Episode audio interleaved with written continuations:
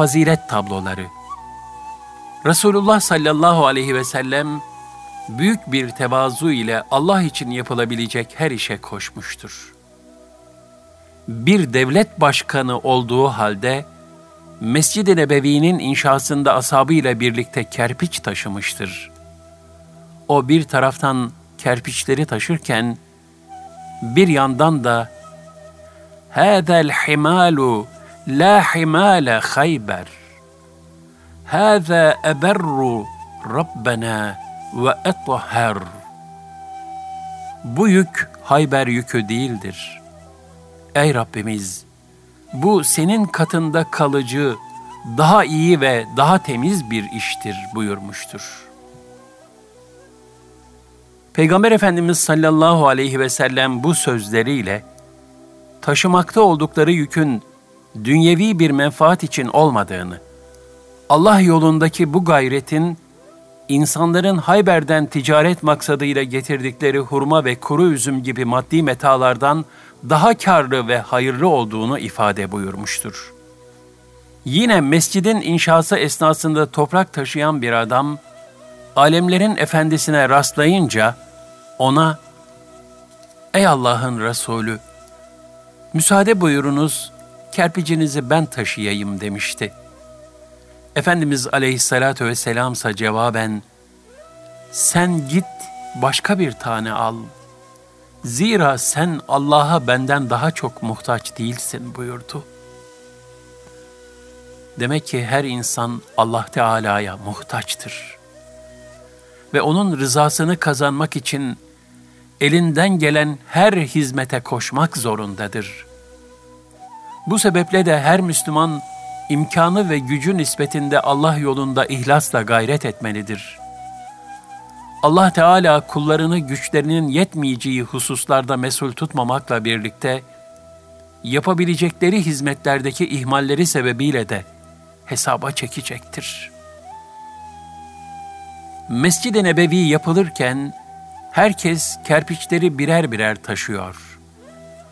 Ammar bin Yasir radıyallahu anh ise biri kendisi, diğeri de Peygamber Efendimiz için olmak üzere ikişer ikişer taşıyordu.'' Allah Resulü sallallahu aleyhi ve sellem onu gördü, tozlarını silkeledi ve ''Ey Ammar, sen kerpiçlerin için arkadaşların gibi birer birer taşımıyorsun?'' diye sordu. O da Allah'tan bunun ecrini bekliyorum dedi. Bunun üzerine Peygamber Efendimiz sallallahu aleyhi ve sellem onun sırtını sıvazladı ve ''Ey Sümeyye'nin oğlu!'' Diğer insanlar için bir ecir var, senin içinse iki ecir var buyurdu. Abdullah bin Evfa radıyallahu anh'ın hanımı vefat ettiğinde, insanlara söylediği şu sözler, ashab-ı kiramın Allah yolundaki hizmet ve gayretlere olan şek ve heyecanlarını ne güzel dile getirmektedir. Onun tabutunu taşıyın, hem de şevkle taşıyın.'' Çünkü o ve hizmetçileri temeli takva üzerine kurulan Peygamberimizin mescidi için geceleri taş taşırlardı. Biz erkekler de gündüzleri ikişer ikişer taşırdık. Resulullah sallallahu aleyhi ve sellem ashabıyla birlikte Bedir'e doğru yola çıktığında, deve sayısı yetersiz olduğundan bir deveye sırayla üç kişi biniyordu. Fahri kainat aleyhissalatu vesselam Efendimiz de devesine Hazreti Ali ve Ebu Lübabe radıyallahu anhüma ile nöbetleşe biniyordu. Yürüme sırası Peygamber Efendimiz'e gelince arkadaşları, ''Ya Resulallah, lütfen siz binin, biz sizin yerinize de yürürüz.'' dediler. Allah Resulü sallallahu aleyhi ve sellemse, siz yürümeye benden daha tahammüllü değilsiniz.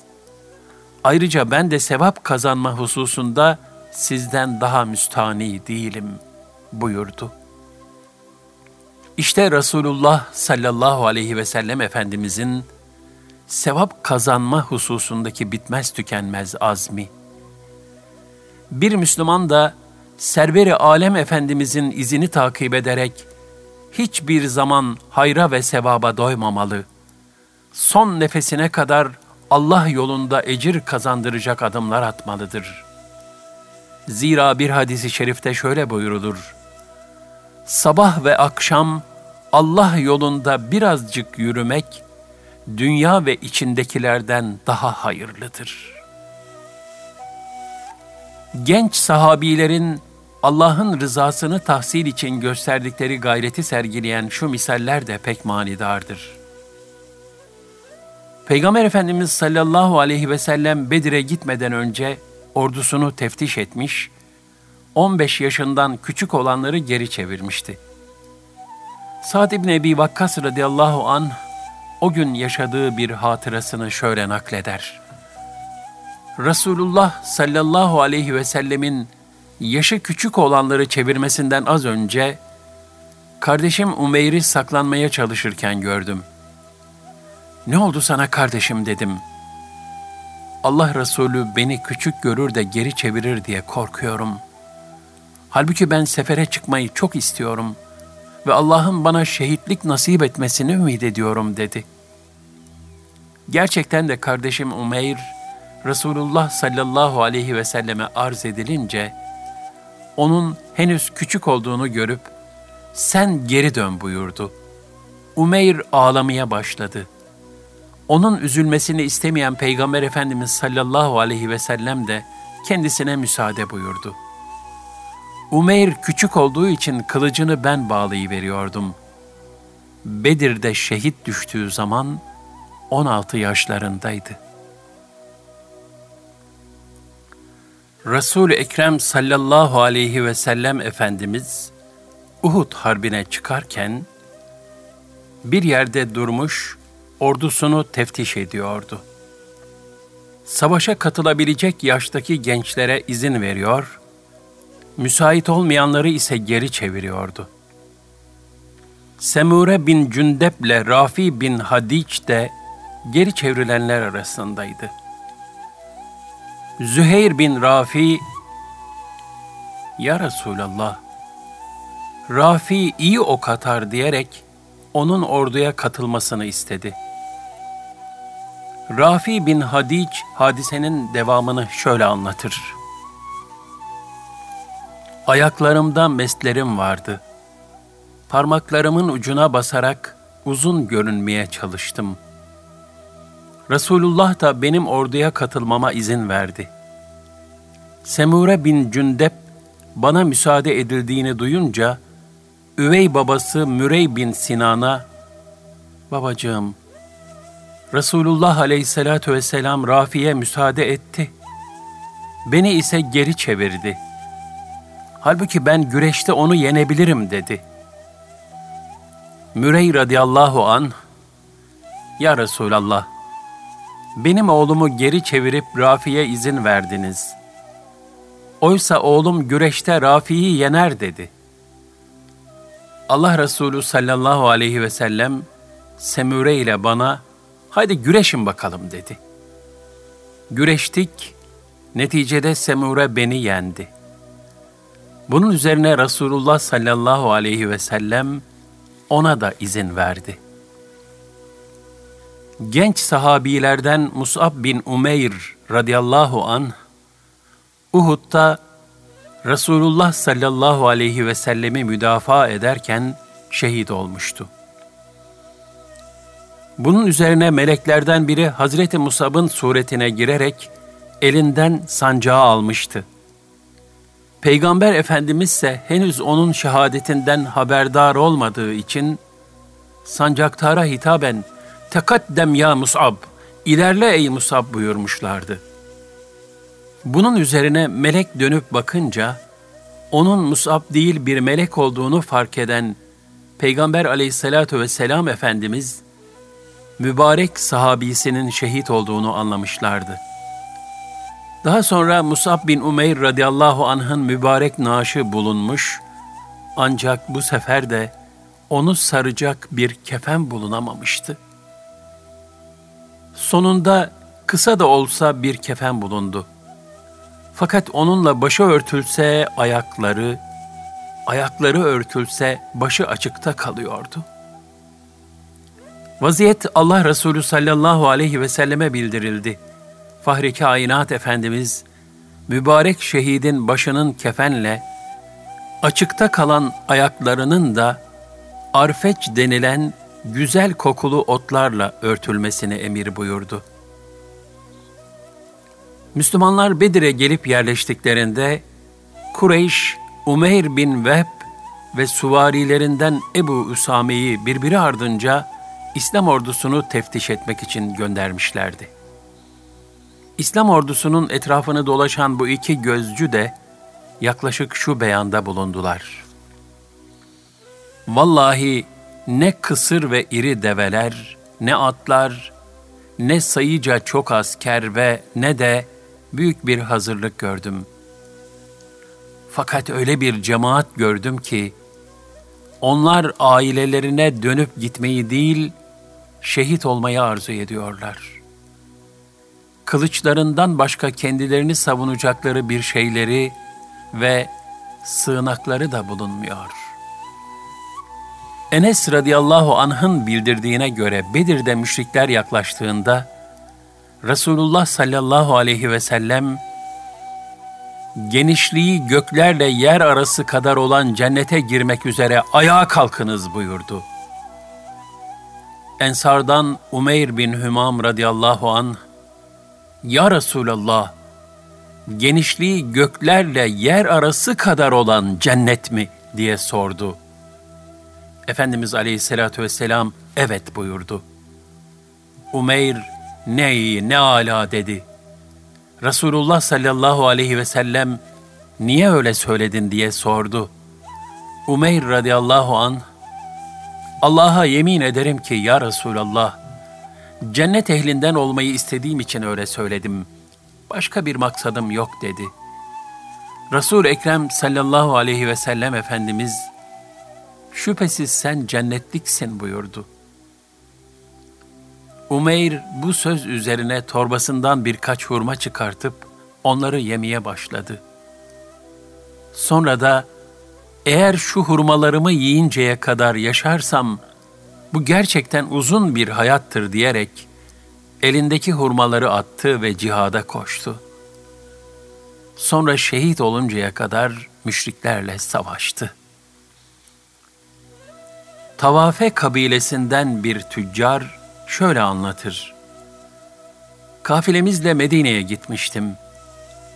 Mallarımızı sattıktan sonra kendi kendime şu zata yani Peygamber Efendimiz'e bir uğrayayım da kabileme onunla alakalı haberler götüreyim diyerek Resulullah sallallahu aleyhi ve sellemin yanına vardım. Bana bir ev göstererek şöyle buyurdu. Şu evde bir kadın oturuyor. Bir İslam birliği ile gazaya çıkmış, geride 12 keçi ile bir dokuma tezgahı bırakmıştı.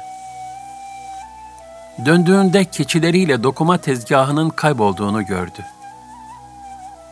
Bunun üzerine Cenab-ı Hakk'a Ya Rabbi, senin yolunda sefere çıkan kimseleri hıfzu emanını aldığını bildirmiş, teminat vermiştin.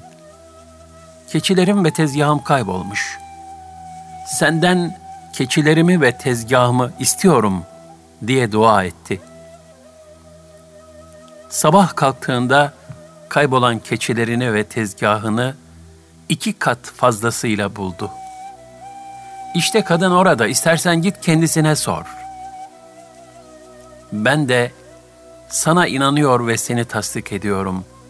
Kadına sormaya gerek yok karşılığını verdim.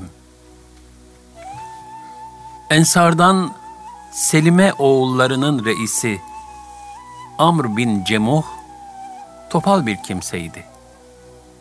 Kendisinin dört oğlu vardı. Allah Resulü sallallahu aleyhi ve sellemle birlikte savaşlara katılırlardı. Resulullah sallallahu aleyhi ve sellem Uhud gazvesine çıkacağı sırada Amr'da sefere katılmak istedi.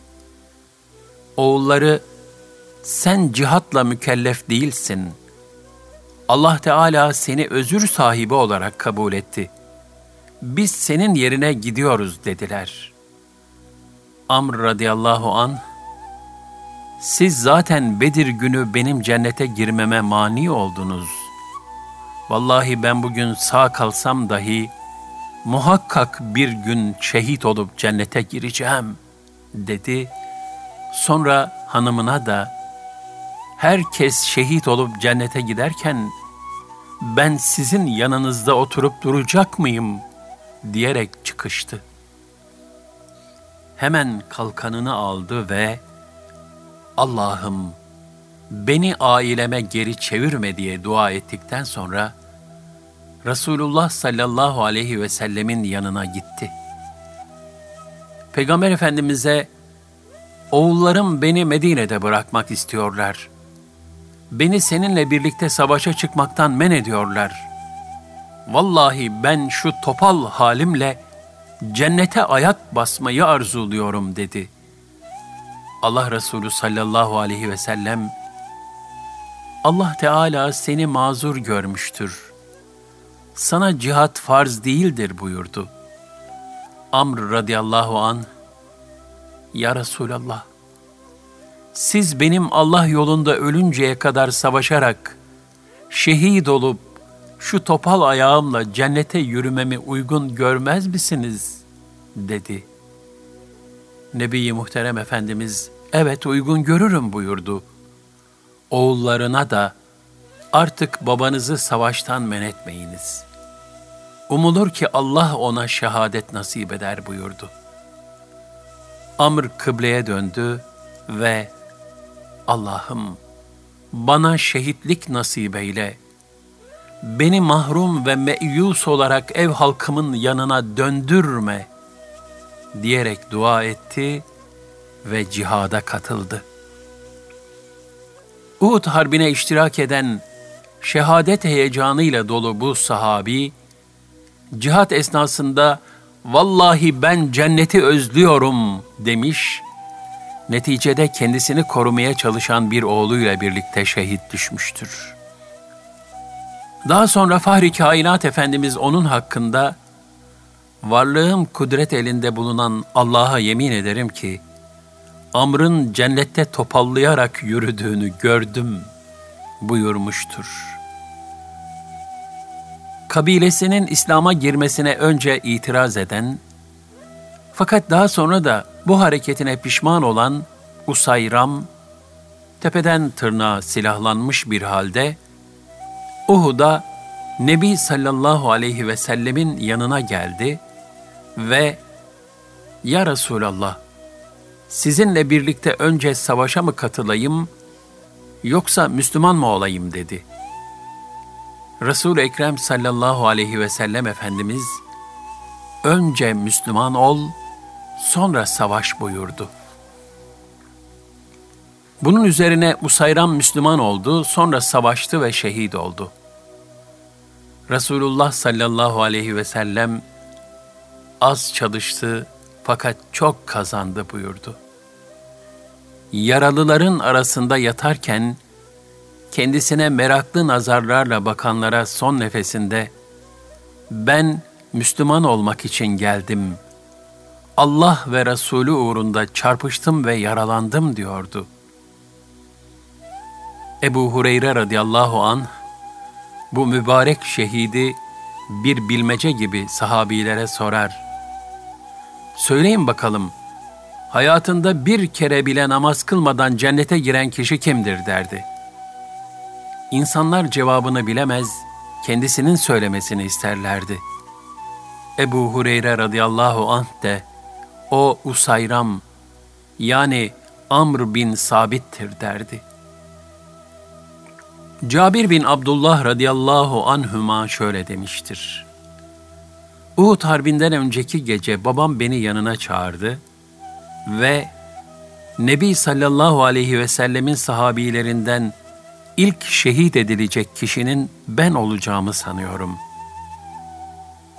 Resulullah sallallahu aleyhi ve sellem'den sonra benim için geride bırakacağım en kıymetli kişi sensin.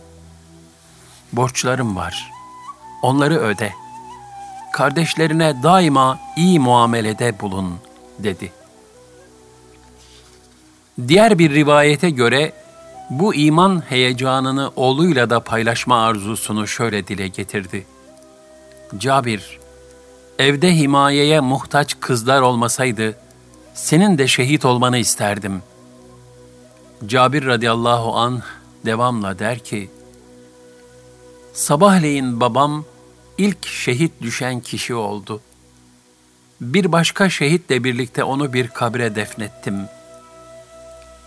Sonra onu müstakil bir yere defnetmek istedim. Altı ay sonra onu mezarından çıkardım. Bir de ne göreyim, kulağının bir kısmı hariç, bütün vücudu kabre defnettiğim günkü gibiydi. Onu yalnız başına bir mezara defnettim. Hazreti Cabir radıyallahu an bir başka rivayette şöyle anlatır. Bir defasında ben mahzun bir haldeyken Resulullah sallallahu aleyhi ve sellemle karşılaşmıştım.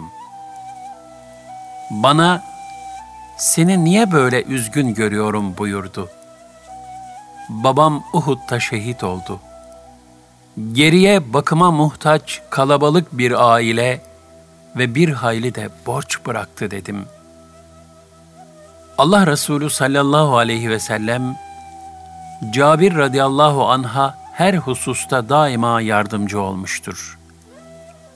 Mesela borcunu ödemesi için bahçesine giderek malını bereketlendirmesini Allah'tan niyaz etmiş, Allah Resulü'nün bu duasının ardından Hazreti Cabir'in hurmaları mucizevi bir şekilde bereketlenerek bütün borçlarına kafi gelmiştir.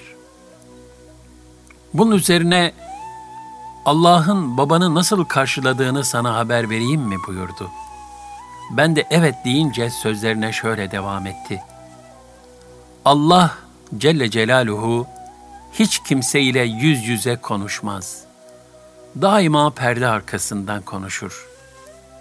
Ancak babanı diriltti ve onunla perdesiz yüz yüze konuştu. Ey kulum, ne dilersen benden iste vereyim buyurdu. Baban, ey Rabbim, beni dirilt, senin yolunda tekrar şehit olayım dedi. Allah Teala Hazretleri, ama ben daha önce ölenlerin artık dünyaya geri dönmeyeceklerine hükmettim buyurdu. Babam da, ey Rabbim, öyleyse benim halimi arkamda kalanlara bildir dedi. Bu talep üzerine şu ayeti kerimeler nazil oldu. Allah yolunda öldürülenleri sakın ölü sanmayın. Bilakis onlar diridirler. Allah'ın lütuf ve kereminden kendilerine verdikleriyle mesrur bir halde Rableri yanında rızıklara mazhar olmaktadırlar. Arkalarından gelecek ve henüz kendilerine katılmamış olan şehit arkalarından gelecek ve henüz kendilerine katılmamış olan şehit kardeşlerine de hiçbir keder ve korku bulunmadığı müjdesini vermek isterler. Ali İmran 169 170 Hazreti Ayşe radıyallahu anha validemiz, ashab-ı kiramın Allah yolundaki gayret ve şevkine dair müşahedelerini şöyle nakleder. Hendek gazvesi günü insanların ardından gittim. Arkamdan bir ses geldi. Dönüp bakınca Sa'd İbni Muaz'la kardeşinin oğlu Harise bin Evs'i gördüm. Olduğum yere çöktüm. Sa'd'in sırtında dar bir zırh vardı. Kolları zırhtan dışarı çıkmıştı. Cihada katılmayı teşvik eden ve ecel geldiğinde ölümün ne kadar güzel olduğunu bildiren bir şiir okuyordu. Annesi ona, evladım koş, Resulullah sallallahu aleyhi ve selleme yetiş, geciktin vallahi diyordu. Ben, Sad'in zırhı parmaklarına kadar bütün vücudunu örtseydi iyi olurdu dedim. Açık kalan kollarından okla vurulabileceği endişesini taşıyordum. Bu sözüme karşılık annesi bana, Allah hükmünü yerine getirir. Takdir edilen neyse ancak o olur dedi. Hakikaten Saad o gün yaralandı. Hazreti Saad radıyallahu an yarasının ağır ve öldürücü olduğunu anlayınca Allah'ım eğer Kureyş müşrikleriyle herhangi bir çarpışma daha takdir ettiysen beni de o çarpışmada bulunmak üzere sağ bırak. Çünkü Resulüne işkence ve kötülük yapan, onu yalanlayan ve yurdundan çıkaran o Kureyş kavmiyle çarpışmayı istediğim kadar başka hiçbir kavimle çarpışmayı istemiyorum.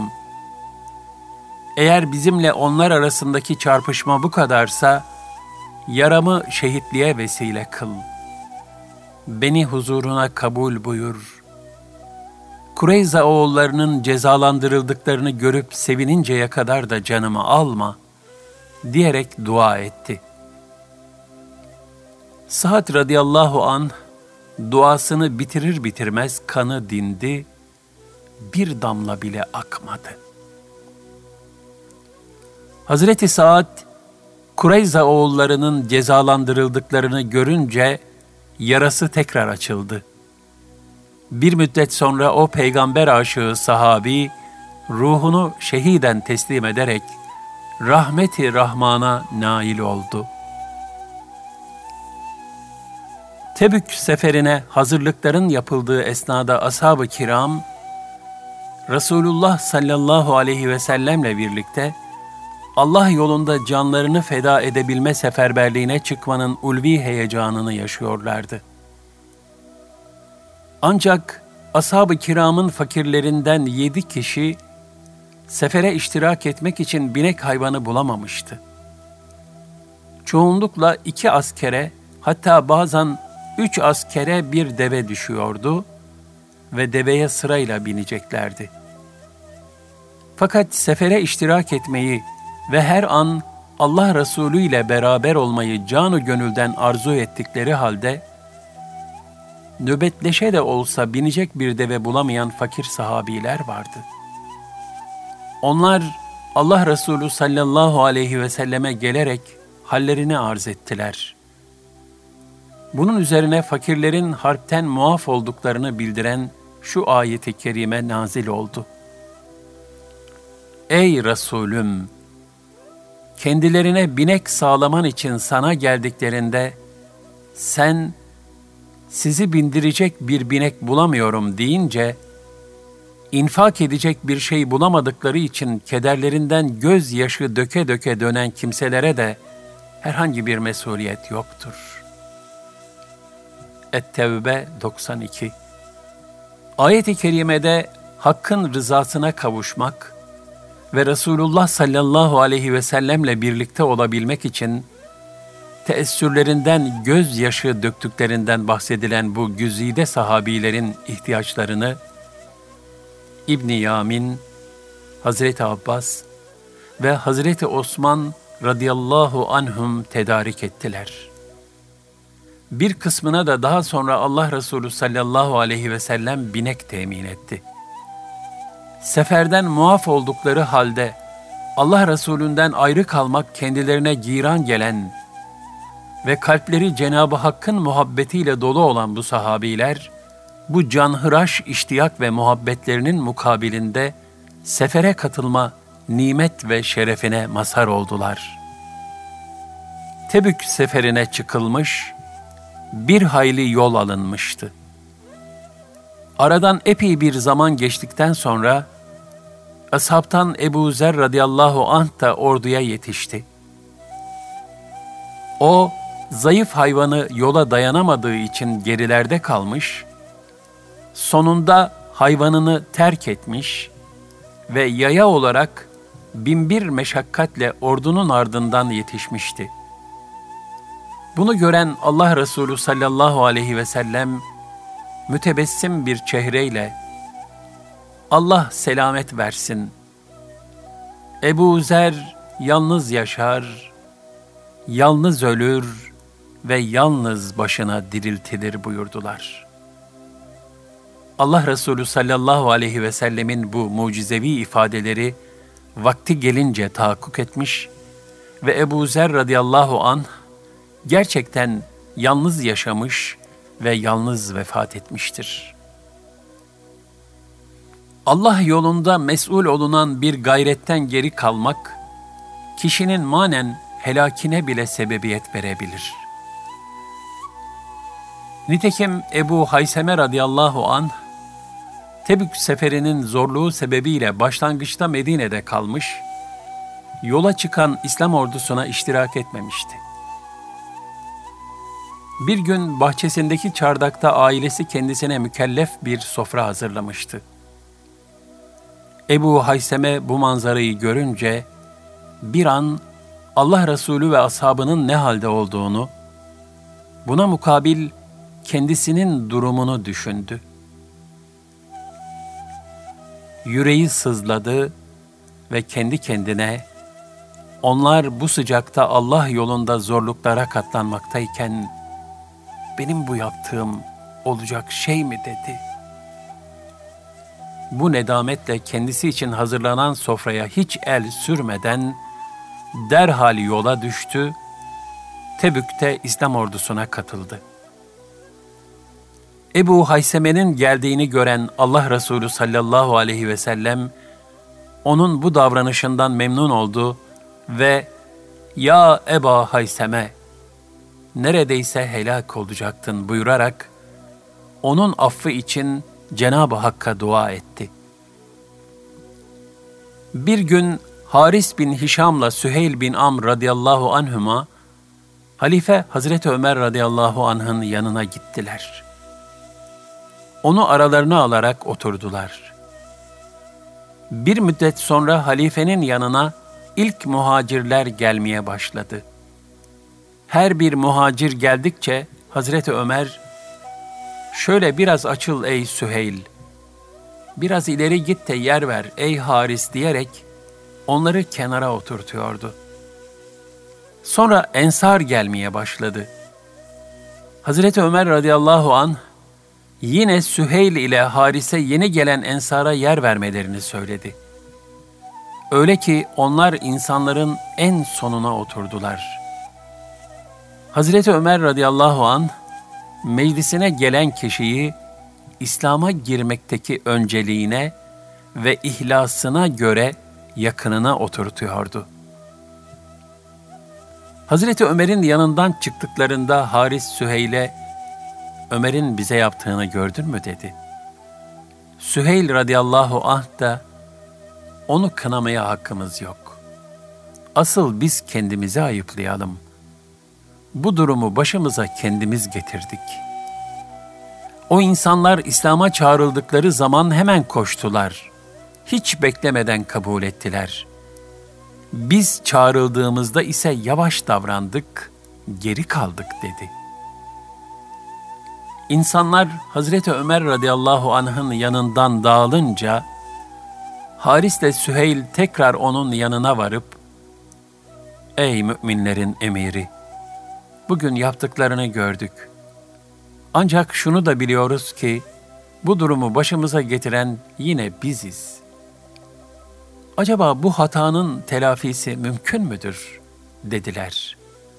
Hazreti Ömer radıyallahu anh, bunun telafisi ancak şu şekilde olabilir dedi ve Rum tarafındaki cephelere işaret etti.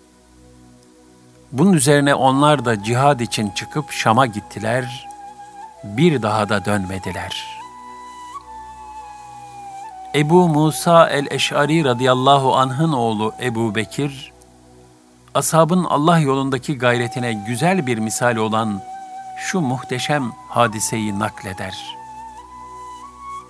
Babam Ebu Musa radıyallahu an düşmanın karşısında durmuş şöyle diyordu. Resulullah sallallahu aleyhi ve sellem şüphesiz cennet kapıları kılıçların gölgeleri altındadır buyurdu. Bunun üzerine üstü başı perişan biri ayağa kalkıp, Ey Ebu Musa! Bu sözü Resulullah sallallahu aleyhi ve sellem söylerken işittin mi diye sordu. Ebu Musa, evet işittim cevabını verdi. Bunu duyan adam arkadaşlarının yanına dönüp, sizleri selamlıyorum dedi ve kılıcının kınını kırıp attı. Sonra elinde kılıcıyla düşmanın üzerine yürüdü ve şehit oluncaya dek düşmanla savaştı. Ebu Eyyub el-Ensari radıyallahu anh, Rumlara karşı tertip edilen gazaya katılmıştı. Yolda hastalandı. Vefatı yaklaşınca asker arkadaşlarına şöyle dedi. Şayet ölürsem beni yanınıza alın ve Rum topraklarına doğru gidebildiğiniz en son noktaya götürün. Düşman saflarıyla karşılaşıp daha fazla ilerleyemez olduğunuzda beni oraya ayaklarınızın altına defnedin. İşte Eyüp Sultan Hazretleri hayatı boyunca Allah yolunda cihad etmiş, vefatından sonra da kabriyle ve türbesiyle arkasından gelen İslam askerlerine hedef göstermek suretiyle hizmetine devam etmiştir. Osmanlı Beyliği gerçek bir devlet olma hususiyetini Orhan Gazi zamanında kazanmıştır.'' O da babası Osman Gazi gibi Anadolu içerisindeki hesaplaşmalardan ziyade küffarla gaza mefkuresini benimsemişti. Bu yolda gözlerini başta İstanbul olmak üzere ta ötelere dikmişti. Bunun için kendisine Merzbanul Afak, ufukların sahibi unvanı verilmiştir. Bir yerde bir aydan fazla durmayıp ilahi kelimetullah yolunda sürekli cihad üzere bir hayat yaşadığı bilinmektedir. Bununla birlikte o, mürüvvet gazadan eftaldir diyerek asıl fethi gönüllerde tecelli ettirmeyi tercih ediyordu. Özdemiroğlu Osman Paşa, Allah için gayret etmiş, büyük başarılar elde etmişti. Üçüncü Murat Han, paşanın muvaffakiyet dolu hizmetlerine bir mükafat olarak onu kendisine sadrazam yaptı. Özdemiroğlu Osman Paşa bu vazifede yaklaşık dört ay hizmet ettikten sonra Kırım'ın karışması üzerine kendi isteğiyle tekrar serdar oldu. Bu sırada Kırım'daki isyanın bastırıldığı haberinin gelmesi üzerine bir hattı Hümayun'la Doğu serdarlığına tayin edildi ecdadımız makam ve mevkiden ziyade Allah rızasının nerede daha çok olduğuna bakıyordu. Özdemiroğlu da sadrazam olduğu halde kendi isteğiyle tekrar cepheye gitmiş, Allah yolunda cihad ederken şehitlik mertebesine yükselerek Rabbine kavuşmuştur. Gençliklerinde kuvvetleri yerindeyken savaş meydanlarında düşmana karşı kılıç sallayarak hizmet eden Yeniçeriler, artık sakallarına ak düşüp de kılıç sallayacak dermanları kalmadığı zaman, sırtlarında meşin bir su kırbası ve ellerinde kalaylı bir tasla sokak sokak gezer, Kerbela'da bir yudum suya hasret bırakılarak şehit edilen Hazreti Hüseyin radıyallahu anh için su dağıtıp, sevap kazanmaya çalışırlar. Haseneynin ruhu için Hazreti Hasan ve Hazreti Hüseyin'in ruhu için diyerek susuyanlara su ikram ederlerdi.